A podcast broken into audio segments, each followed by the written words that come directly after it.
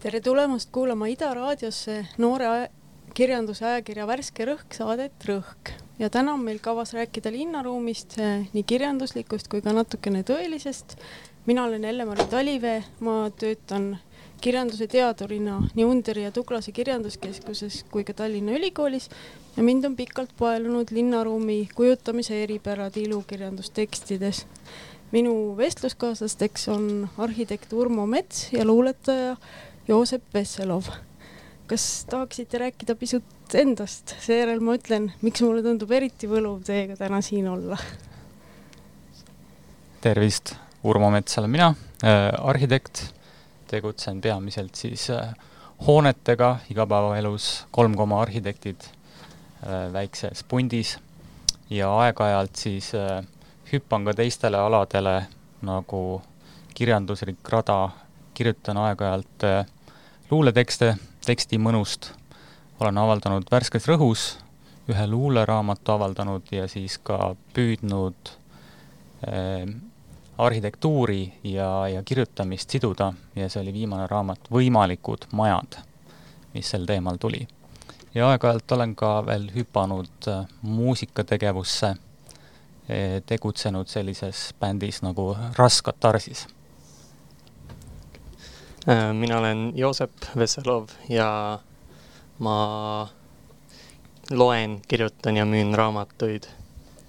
see on põhimõtteliselt kõik. Joosep jättis nüüd mainimata, et tal on just äh, ilmunud äh, luulekogu Linnalaul, mis mulle pärast esimest lugemist väga meeldib ja mille peal on veel, mille kaanel on pealegi väga vahva võilillepilt aga ma lubasin öelda, et miks mul on eriti suur rõõm teiega siin täna kohtuda, et ma sain paar aastat tagasi arvustada ühte Soome kirjanduse toredat raamatut Jussi Viikile Akvarellid Engeli linnast. Äh, ja äh, see on selline raamat, mille siis Soome kirjanik, peamiselt luuletaja, on kirjutanud arhitektist, kelle järgi ma arvan, me üsna palju Helsingit ette kujutame ja nüüd ongi mul siis käeulatuses äh, linnast kirjutav arhitekt ja linnast äh, kirjutav luuletaja. et äh, kuidas te mõlemad kujutate ennast justkui selles kontekstis ette, et te mõlemad loote linna mm,? ma olen täiesti nõus, et üks minu motivatsioonidest kirjutada see raamat, mille ma kirjutasin sellisena, oli äh, teha see, see linn, milles mina praegu elan, see käesolev Tartu teha kuidagi mõnusamaks kogu, kõige selle kaubanduskeskuste ja äh, nõukaaegsete sildadega. et ma usun, et äh, arhitektidel on sama eesmärk mingis mõttes.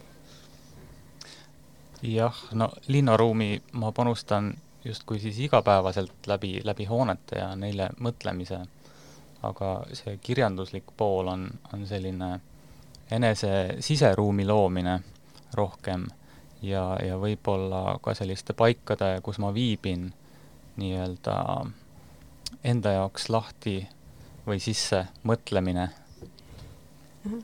et äh, see raamatuarhitekt Engel äh, igatseb luua sellist linna, mis äh, talle endale tundub justkui ei sobi väga Põhjamaale. Ja siis tal on kogu aeg sellised äh, siseheitlused endas, et ta tahab inimesteni tuua soojust ja valgust ja luua inimestele keskkonda, sest ta on tulnud äh, turust, kus suur tulekahju põletas turu puulinna maha.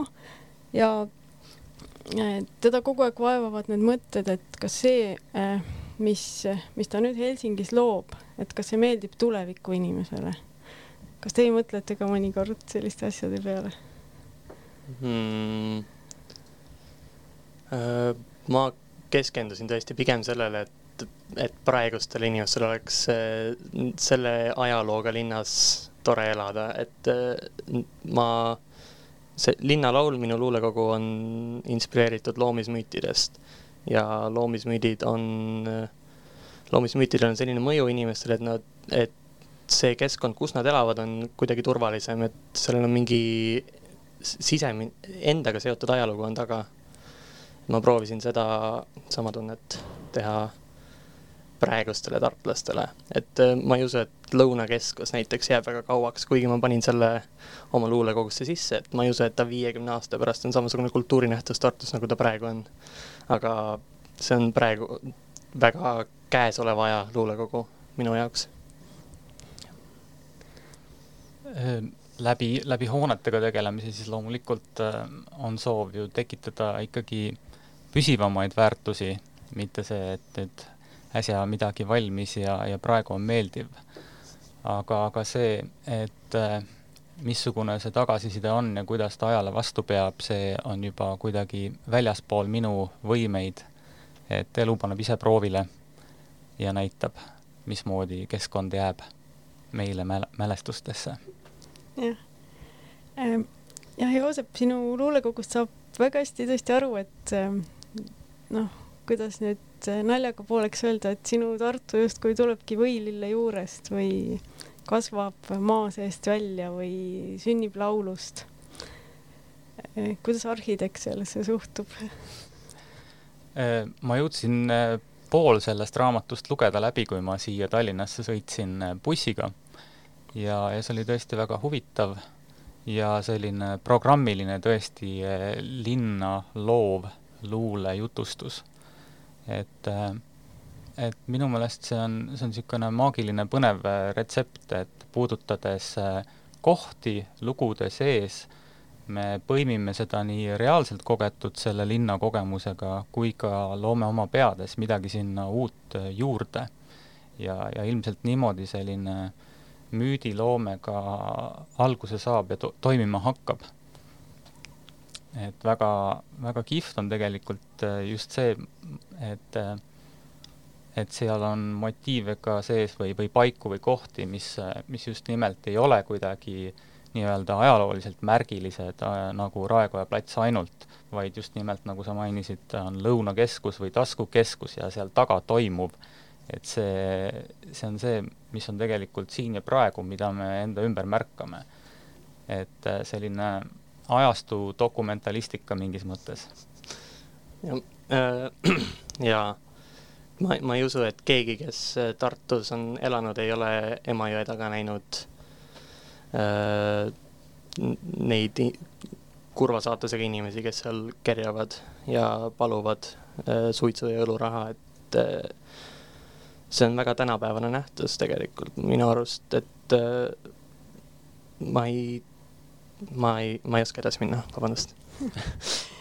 See jäi mulle küll silma ja ma ise mõtlesin ka, ma lugesin ka äh, Värske Rõhu kogumikku hiljaaegu ja minu meelest ikkagi tänased äh, noored luuletajad enamasti ei jäta mainimata kas mingit ühiskonnakriitilist või siis keskkonnakriitilist aspekti ja see on sinu luulekogus ka hästi vahvasti olemas sul on üks hästi tore luuletus mehest, kes tahab Elva sõita, et äkki sa tahaksid selle ette lugeda? võin lugeda küll, ma pean ta üles otsima. et äh, selle luuletuse kohta on oma Tallinna variant ka, et siis, kui sa oled ette lugenud, siis ma räägin. hästi äh,. Elva mehe laul. tasku keskuse taga Emajõe ääres laulab üks vana kerjus, et tema olla Elva mees aga kõik oma aastad pidanud, pidanud veetma Tartus, kuna terve elu jäänud tal bussirahast puudu üks kroon. laulab, et tema ema olla veetud Elvast Tartu sünnitama, aga lapsega teda koju tagasi polevat lastud, kuna bussipiletist jäänud puudu krooni jagu kopikaid ja sinna bussijaama toona laps ollagi jäet. laulab, et tema sõsar olla käinud neli aastat Tartus akadeemia peal õppimas majandust ja kui käinud vend õelt palumas sa bussi tarvis laenu, ütelnud selle peale õde, et meil on nüüd kapitalismus ja kõik vastutavad ise oma vara eest. pealegi elu võlas ei ole päris elu. ja jälle jäänud bussirahast puudu kroon ja Elva mees jäänud jälle Tartu. laulab, et täna olla Elvas ema mahamatmine. pintsak olla ostetud tal ja lilledki olemas, kuid ema läinud teise ilma, jäteks pärijaks vaid õe, kuna polnud poeg tal kordagi külas käinud. ja nüüd jäävad matusele sõiduks Elva mehel bussirahast puudu kroon. laulu lõpetuseks palub Elva mees minult suitsuraha aitäh, et äh, see Tallinna variant oleks äh, Tallinna bussijaama lähedal küsivad inimesed Narva sõiduks raha, aga nad ei lepi ühe euroga, nad tahavad viite, aga noh, Narva on kaugemal ka Tallinnast kui Elva Tartust. Tallinna versioon võiks olla ka veel kindlasti Balti jaama juures, et olen Tallinnas ka elanud ja tore selle luuletuse puhul ongi ilmselt see, et me kõik tunneme ära või oleme kogenud äh, mingeid selliseid äh, nii-öelda alternatiivne eh, juhtumeid, mis meiega on toimunud, et, et, et kõigil on need kogemused olemas. Teie olete mõlemad Tartust? jah. just. Eh, mõnda aega nüüd juba Tartus, varem olen siis pool elu olen eh, Tallinnas veetnud. Ähm, mina, ma olen suhteliselt värske tartlane, et neli aastat olen Tartus elanud. tulin Pärnust jah, see on ka selline tore asi, mis sinu luulekogus kuidagi pinnale pääseb, et sa oled kuidagi Tartust nii vaimustuses. Jah, ma arvan, et minul on see ka siiamaani, et mina läksin ka Tartusse ülikooli ja need äh, neli või viis aastat, mis ma seal veetsin, et äh, siiamaani igatsen sinna tagasi. Ähm, jah, ma küsiksin nüüd sellist asja, et äh, kas te tahaksite seda linna, mis teie ümber on, muuta kas te loodate, et teie tekstid ja ehitised seda muudavad kuidagi paremaks? Jaa, kindlasti et minu tööks ongi mingis mõttes ju, ju linna muuta. keerulisem on see küsimus nagu tekstide osas. et ähm, ma tunnen, et kui ma kirjeldan mingil moel ruumi või, või lähtun sellest, siis äh, siis see on samamoodi see aktiivne osalemine selle, selle paiga loomes. et äh, kui see vormistatud luuletus või looke nii-öelda lugejateni ei jõua, siis ta võib-olla ei aktualiseeru teiste peades, aga, aga see ongi selline sisekaemuslik ka äh, enesele linna loomine ja loo loomise lugu, mis on äh, minu jaoks äh, vajalik lisaks sellele arhitektuursele tegevusele, kuna see on väga palju siiski ka selline piiratud ja praktiline tegevus, mis peab arvestama väga paljude reeglite ja piirangutega. aga seevastu tekst on, on vorm ja, ja distsipliin, kus, kus selliseid piiranguid ei ole ja saab minna palju kaugemale, palju sügavamale ja, ja läbistada mitmeid kihistusi minu jaoks on arhitektuur ja arhitektid nii kauge asi, et minu silme läbi muutub linn justkui iseenesest, et mina seda kuidagi muuta ei saa. aga tekstiga ma saan muuta neid väärtusi, mis on linnas olevate kohtade taga. et äh, ongi, et ma saan muuta seda, kuidas me tunneme selles linnas elades, mis äh, on selline, nagu ta on ja muutub mingis suunas, mida ma, mina ei näe. et nagu linn muutub iseenesest mingite nähtamatute arhitektide mõjul ja mina pean sellega kaasa minema, aga ma saan ise mõjutada, kuidas, kes mina olen selles linnas ja mis need asjad tähendavad minu ümber, mis asi on kaarsild. jah ja. Äh, sulle, Joosep, küsimus, et kui sa selle kogu oled nüüd valmis kirjutanud, kas selle järgselt on sul tunne ka, et see Tartu, Tartu kuidagi on äh, läbi selle teksti sinu jaoks veel, veel omakorda mingisuguse vindi peale keeranud ja muutunud? et kas sa oled teatavad nii-öelda äh, filtrid endale nii-öelda ette, ette pannud silmade ette või, või kuidas sa seda tajud? mulle meenuvad ikka igasugused asjad, mis mul on pea sees käinud, ka kustutatud tekstid sellest luulekogust ja kõik. et äh, need tekstid ei ole mul kuidagi sihilikult kirjutanud, need on kuidagi ise tekkinud ikkagi. et ma ei tea, kust need seosed tulid, kuskilt nad tulid ja mina panin nad kirja, et et see, et linn on nagu see, kuidas mina linna näen, on samamoodi muutumas, nagu on linn. ahah, noh, see on väga huvitav aspekt, kustutatud tekstid. jah, see on sama nagu ütleme, mina kirjutan valmis mõne eessõna või kirjandusteadusliku uurimuse ja siis jätan sealt midagi välja, aga ma ise tean, et see oli seal, et ühesõnaga luuletajal on siis sarnane see asi ja. toimetades tuleb ikka päris palju kustutada tegelikult jah eks arhitektil ole sarnane kihistus. ma näen kõiki neid äh, projekte, mis on võib-olla tehtud, aga mida ei ole ellu viidud, et kõndides kuskilt linnaruumist mööda, ma näen vaimusilmas seda enda või kellegi teise tehtud kavandit, mis kunagi sinna ei sündinud.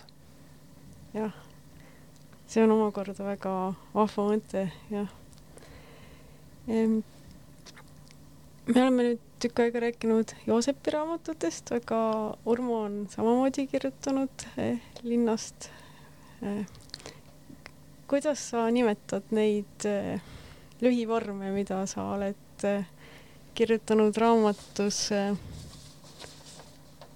Võimalikud majad?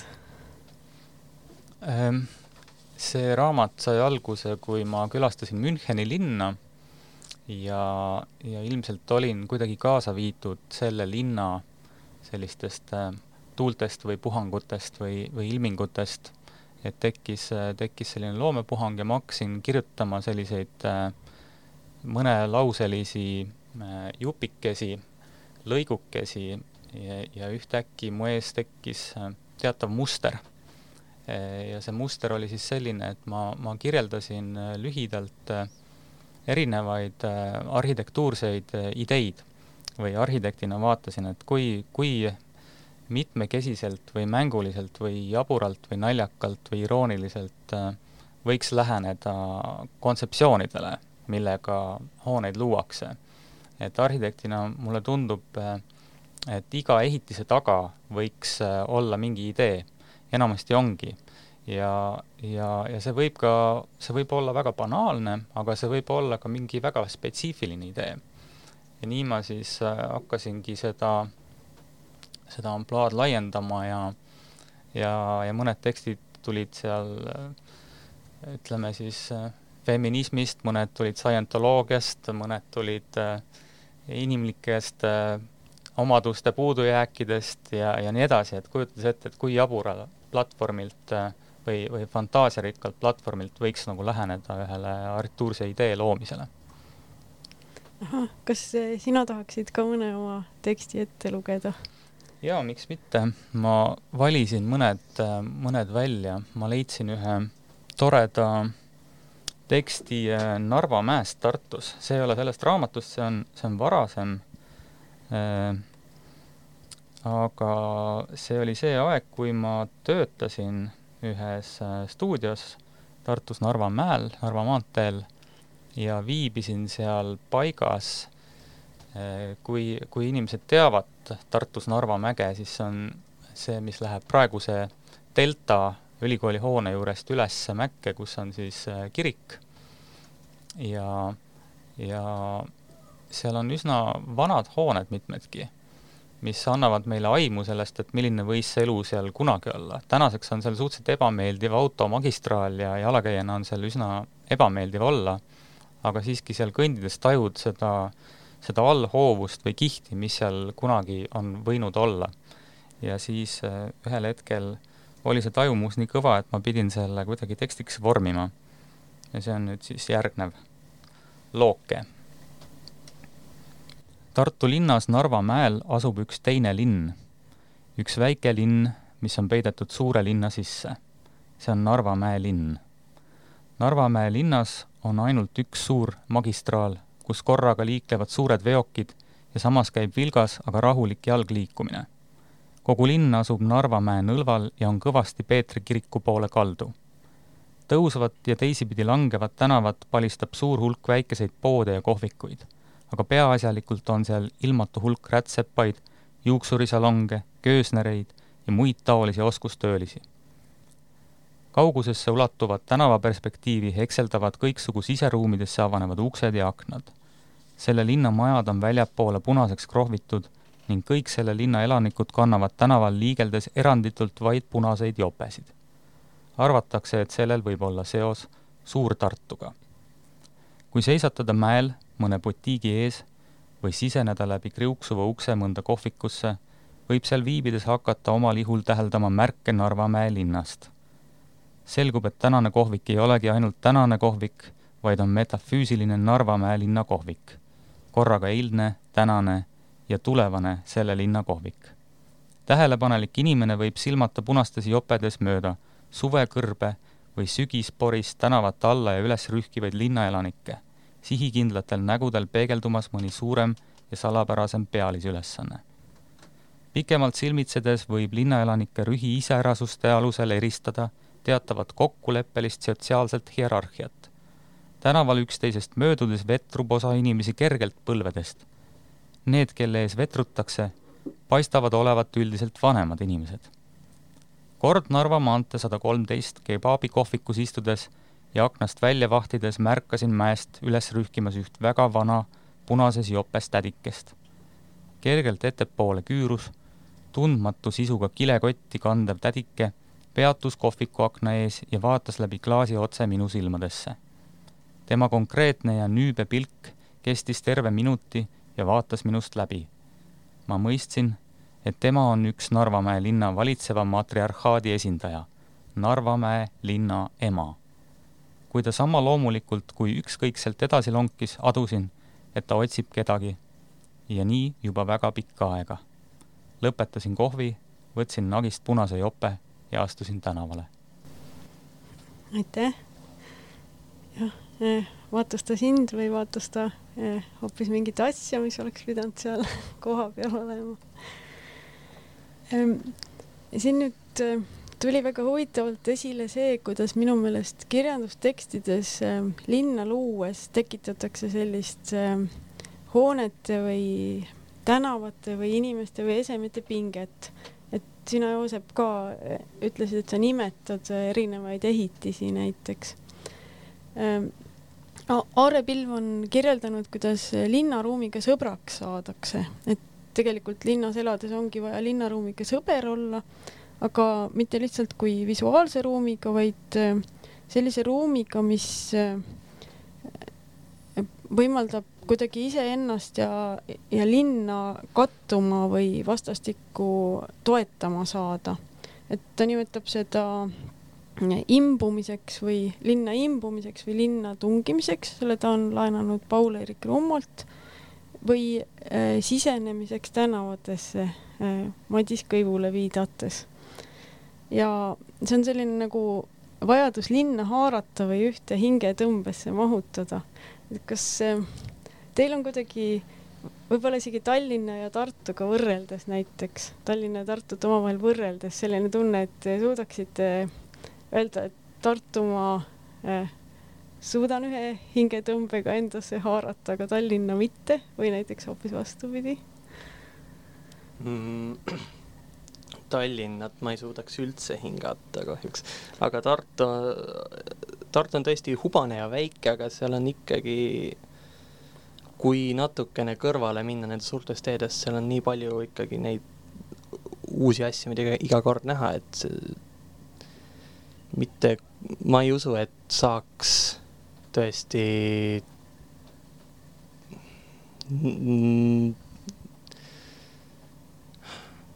ma ei, ma ei tea, vabandust.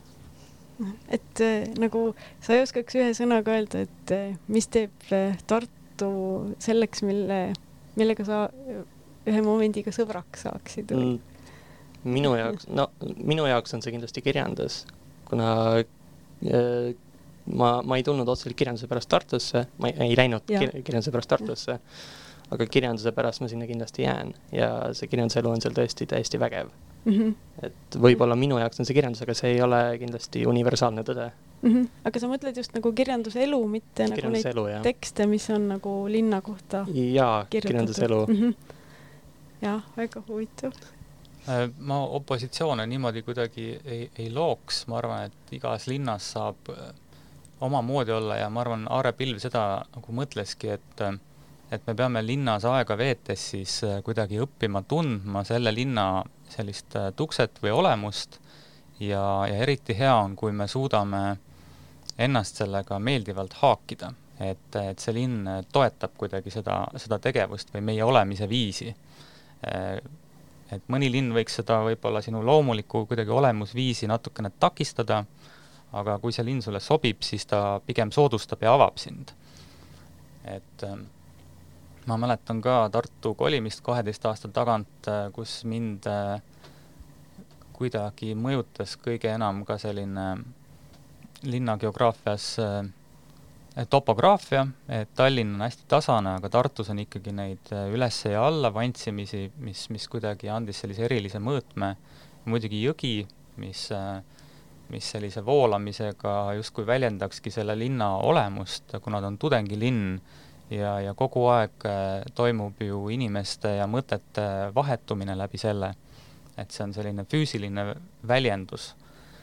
ja, ja tundub, et, et kui sa siin ka kirjandust mainid, et noh, see ei ole ka kellegi jaoks uudis, eks ole, et ülikoolilinn ja kirjanduslinn, nüüd lausa ka ametlikult kirjanduslinn, sest Tartu on osa UNESCO kirjanduslinnade võrgustikust, et äh, ja juba seesama võrgustik ja nimekiri linnadest kuhu kirjandus on ennast nii-öelda sügavamalt, äh, kuhu, kuhu ta on pesa teinud sügavamalt, et see näitab seda, et mingites keskkondades äh, selline tegevus tuleb paremini välja kui mingites teistes keskkondades. et ilmselt on see niisugune ka sellise psühhogeograafia, looduskeskkonna, optimaalse inimeste arvu ja, ja ka selle ülikooli vaimu poolt äh, tekitatud selline huvitav omapärane koosmõju, mida me kõik ei suuda kindlasti äh, verbaliseerida ja, ja, ja näppu alla nüüd ära, ära panna. jah, äh, Aare on kirjutanud ka, et äh, tema jaoks peabki linnas olema mägi ja jõgi, et nende järgi saab siis orienteeruda. ja kusjuures mul tuleb nagu meelde, et ka Friedebert Douglas, tartlane, on just nimelt sedasama Eh, võtet kasutanud võõramaa linnades eh, orienteerumiseks, et kui on mägi ja jõgi olemas, siis nende järgi on hea ennast paika panna. huvitav, kui oled merelinnas sündinud, kas see nagu see, et ühes servas peab meri olema, hakkab ka kuidagi mõjutama mm,? ja Pärnu on väga piklik linn rannikut mööda ja seal kuidagi kuidagi saab mere järgi orienteeruda küll, et kui õhk hakkab soolasemaks minema, siis äh, saad aru, et sa oled mere poole minemas.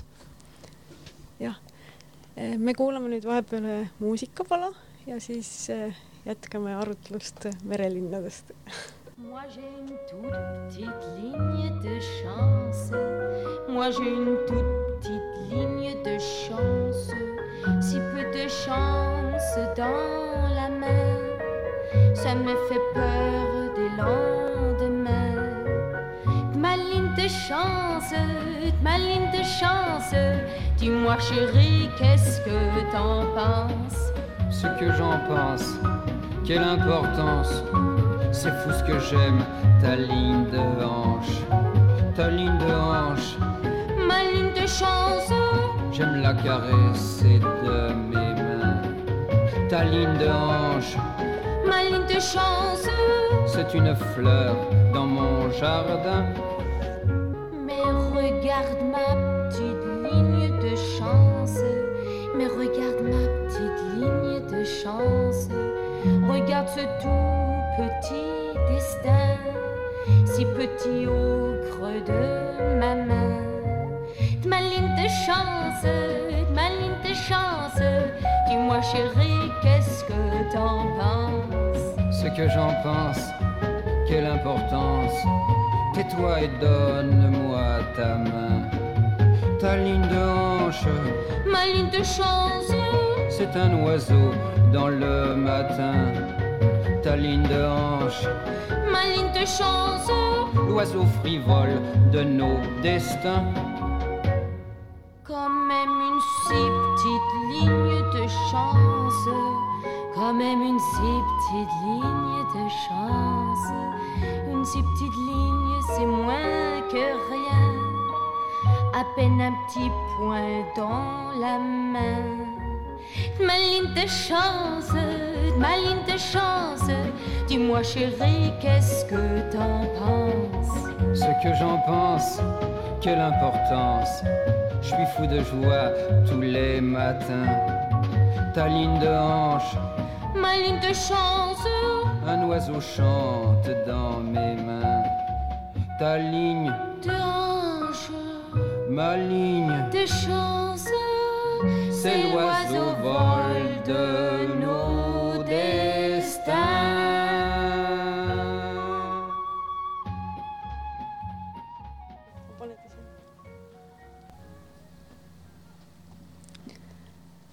jäime pidama sinna, et osad meist on pärit äh, mereäärsetest linnadest ja mina mäletan just, kuidas ma tundsin puudust Tartus elades tuulest.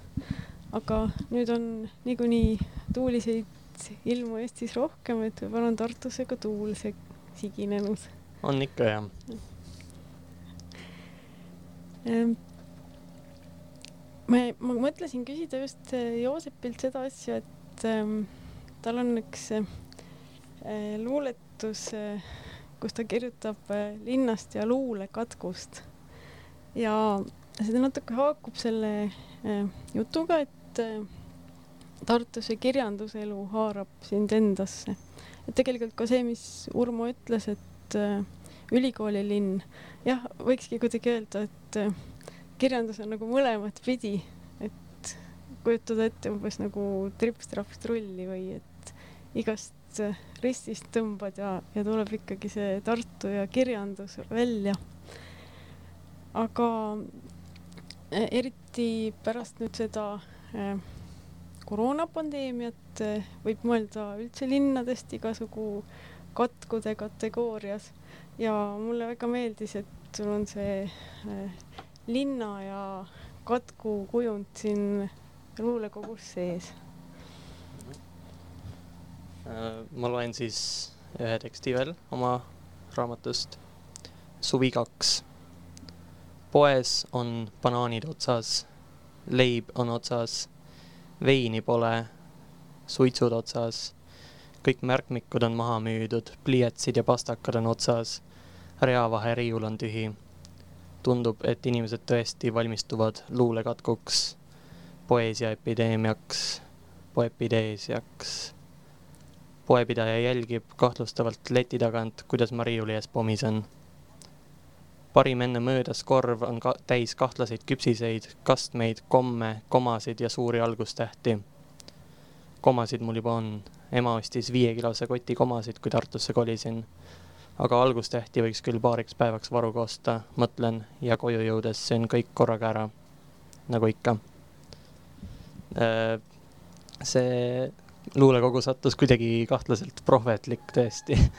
et mm, ma, see on eelmisel suvel kirjutatud, aga kuidagi hästi jäi sisse see, kuidas tõesti inimesed reageerisid poe, poodide tühjaks ostmisele linnas äh, selle eriolukorra, eri, eriolukorra kuulutamisega. Jah, mulle meeldis, kuidas ähm, sul läheb see tsükkel edasi sellega, et pereõde vaatab sind üle ja ütleb, et äh, et sul on juba loomelööve ja, ja loodab, et sa paraned sellest ja otsid omale päris töö.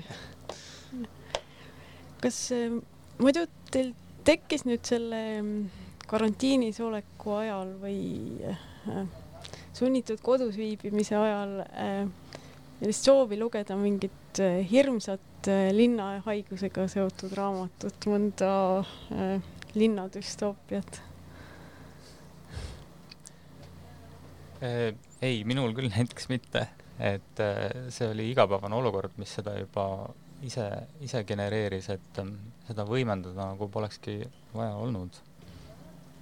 et pigem, eh, pigem on võib-olla ka igapäevases linnaruumis endal fookus ikkagi selliste meeldivamate keskkondade ja, ja tähenduslikkuse ja loolisuse süvendamisel mm, mul ka isiklikult ei tekkinud, aga raamatupoes töötades ma nägin küll, et osteti rohkem katkuteemalisi raamatuid ja et olid täitsa topi riiulis seal, top kümne riiulis.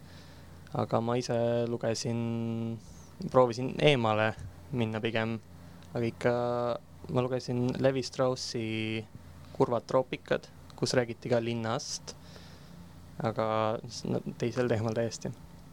jah. kas teil on mõnda sellist hästi olulist linnaga seostuvat teksti, mida te aeg-ajalt näiteks üle loete mm,?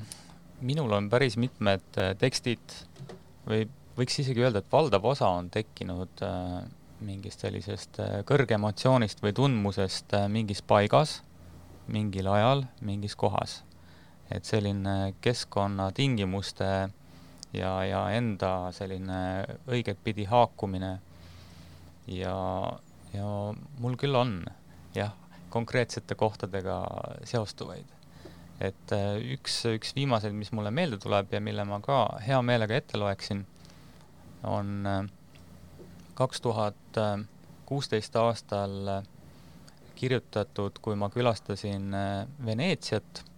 Ja Veneetsia lähedal on selline koht nagu Treviso ja, ja läksime sinna vaatama, külastama ühte imelist arhitektuurset paika, surnuaeda. De Brion äh, surnuaed ja kabel on seal ja selle on kavandanud äh, kahekümnenda sajandi üks, äh, üks väga tuntud, tunnustatud arhitekt Carlos Carpa. ja ta tegi siis selle ühele perekonnale, kellele kuulus Itaalias selline äh, suur elektroonikakompanii äh,, mille nimi oli Brion Vega, siiamaani peaks olema see alles ja, ja ilusti toimetama. Ja ühesõnaga, kui siis selle perekonna pea suri, siis tema, tema lesk äh, lasi siis arhitektil kavandada suurejoonelise kabeli ja surnuaia tervele perekonnale mõeldes.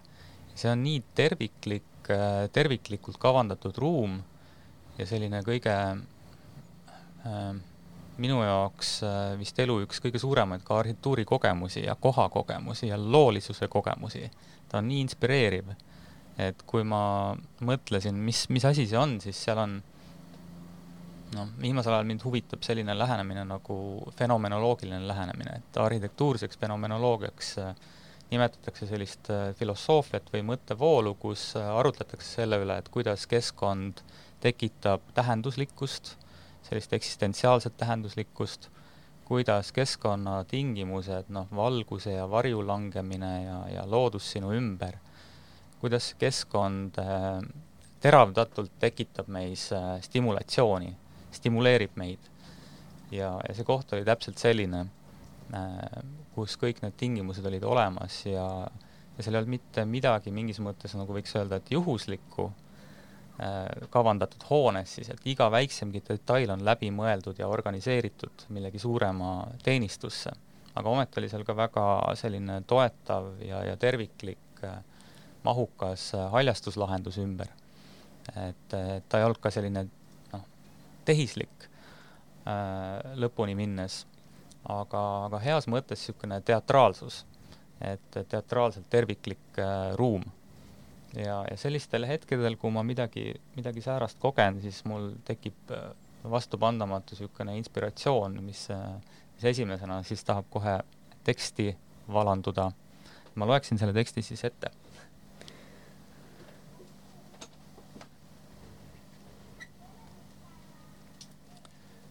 Surnute Volangkivist saarel asub betoonservade salu kumenduvas erkvalguses kiirgub kivist jahedat ajakulgu. see aeg siin ei seisa ega jookse, ta kõlgub ripjalt meelesagarate palustreil. graniittäringute lõputud read, täisnurgelised betoonakordid, küpresside vakatav hõik, see kõik pelgub saare kaitsvasse loori. Niisked veepeeglid libisevad käsikaudu mööda vaikuse intensiivset puusa messingrauad ulatavad end ümber klaasi, embavasse suiku. siin on luuke ja väravaid, siin on orve ja uurdeid, mille asend ja hoiak lubab võrkkestal taltuda. pilgud hukkuvad ja sünnivad vaateiks. kuldpruunist puidust ridvad on asetanud end kivimüüride õlule, nagu kasvaksid vetikaina, sügavrohelisest veest. raudvõrud on piiranud marmorist tahvlid, et neid pehmelt kanda üle kivise kõrbe.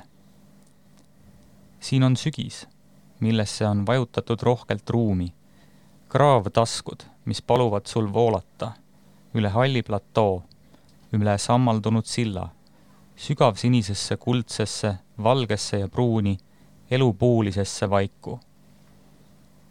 hilisõhtuti, kui madalate kuppelmändide okkad end soolases tuules liigutavad ja laskuv päike tõstab varjud piklikena taeva poole, võib päevasoojust kiirgavate kivimüüride vahel näha tantsimas Honoriina Brioni udust siluetti, saatjaks sisalike hiirküberügement.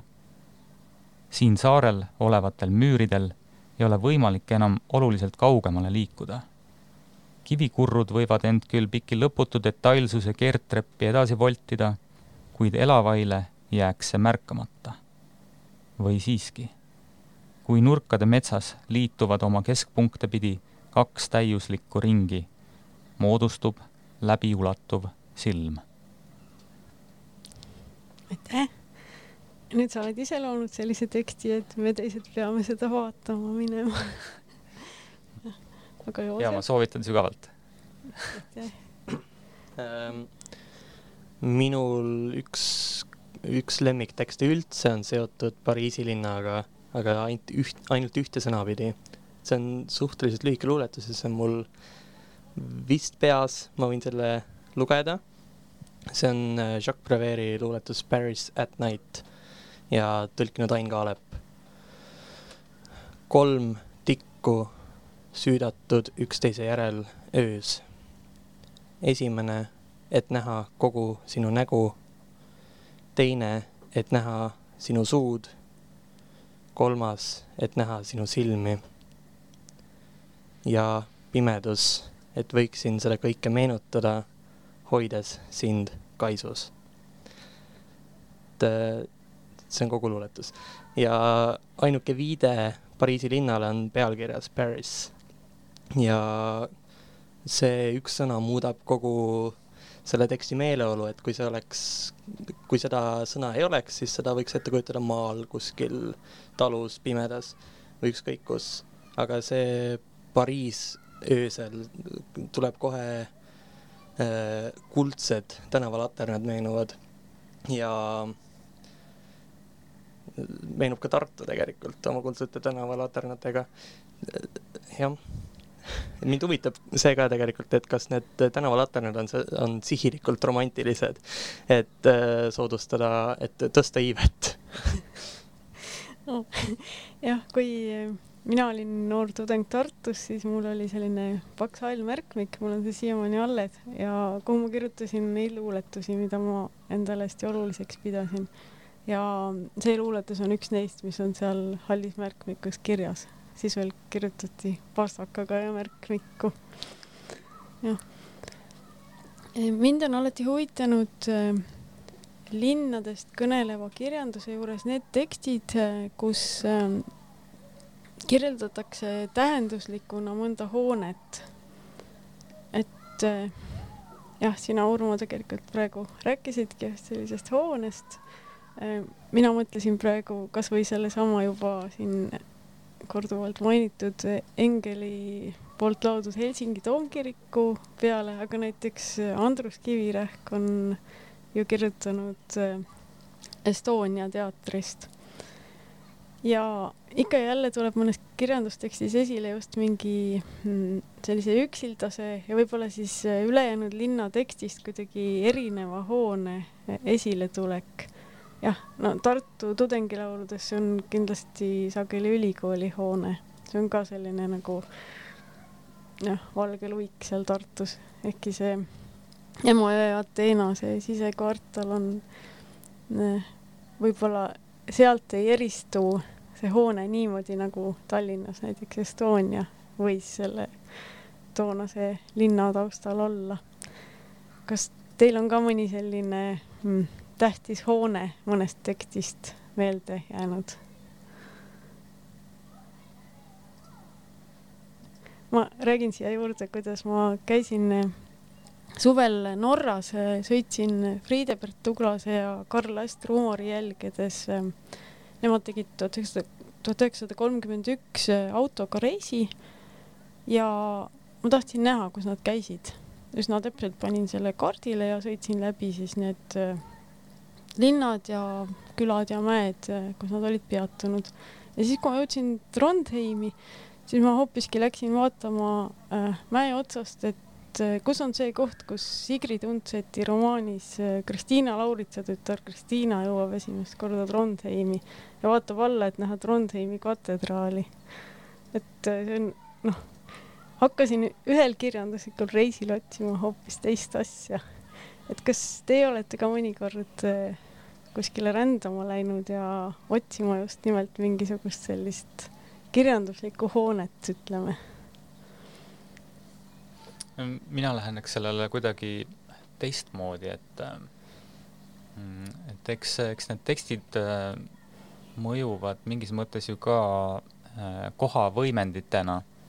et äh, sa mainisid ka vist ennist meile kirjutades sellest, et et kas me loeme kirjandust selle paiga kohta, kui me külastame mõnda kohta, et äh, on ette tulnud küll ja, ja sellistel puhkudel tõesti see, see lugu selle paiga kohta annab mingisuguse lisaaimu, lisakihistuse, äh, mismoodi suhestuda selle kohaga.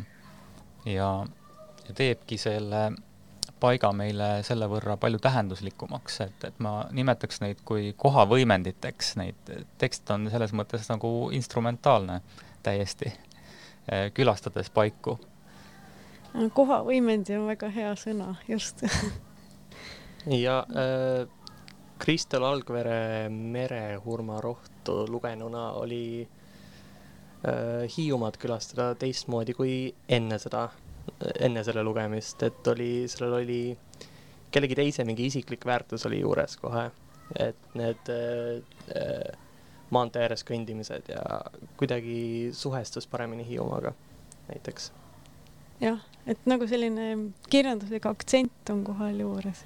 minu meelest see on üks hästi võluv asi selles kontekstis ma soovitan ka huvilistel tutvuda sellise saidiga nagu Jutupeatus ja sinna on siis Eesti Vabariik sada programmi raames äh, kogutud kokku sada äh, kirjaniku teost, mis räägivadki konkreetsetest kohtadest Eestis ja enamikesse neisse kohtadesse äh, minu teada on, on pandud ka välja siis füüsiline silt, kus peal võib seda luuletust lugeda.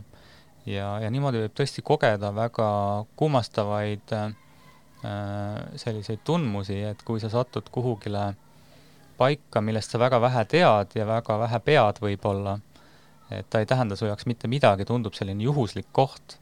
ja, ja võib-olla ka see, mida seal on kirjutatud, see on kirjutatud viiskümmend aastat tagasi, sa näed, et see paik, mida kirjeldati, on tänaseks kadunud, siis see, see lugu avab sulle selle koha hoopis äh, teistmoodi ja tekitab mingisuguse sellise austava suhtumise selle paiga äh, poole et, et see on, see on väga põnev, kuidas, kuidas jah, kohad, kohad läbi kirjanduse saavad meid abistada.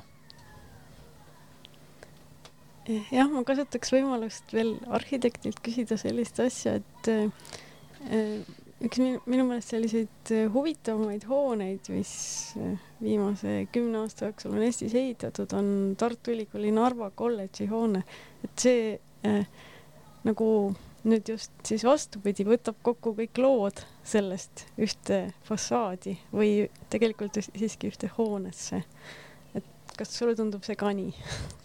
jaa, see on kindlasti väga märgiline hoone ja, ja, ja kindlasti üks, üks võluvamaid kaasaegse arhitektuuri näiteid Eestis. ja mis on tema puhul noh, põnev, muidugi ta räägibki ju meile lugusid. ta on looline arhitektuur ta võtab, võtab kokku neid sündmusi ja avab meile selle paiga olemust ja konteksti ja identiteeti.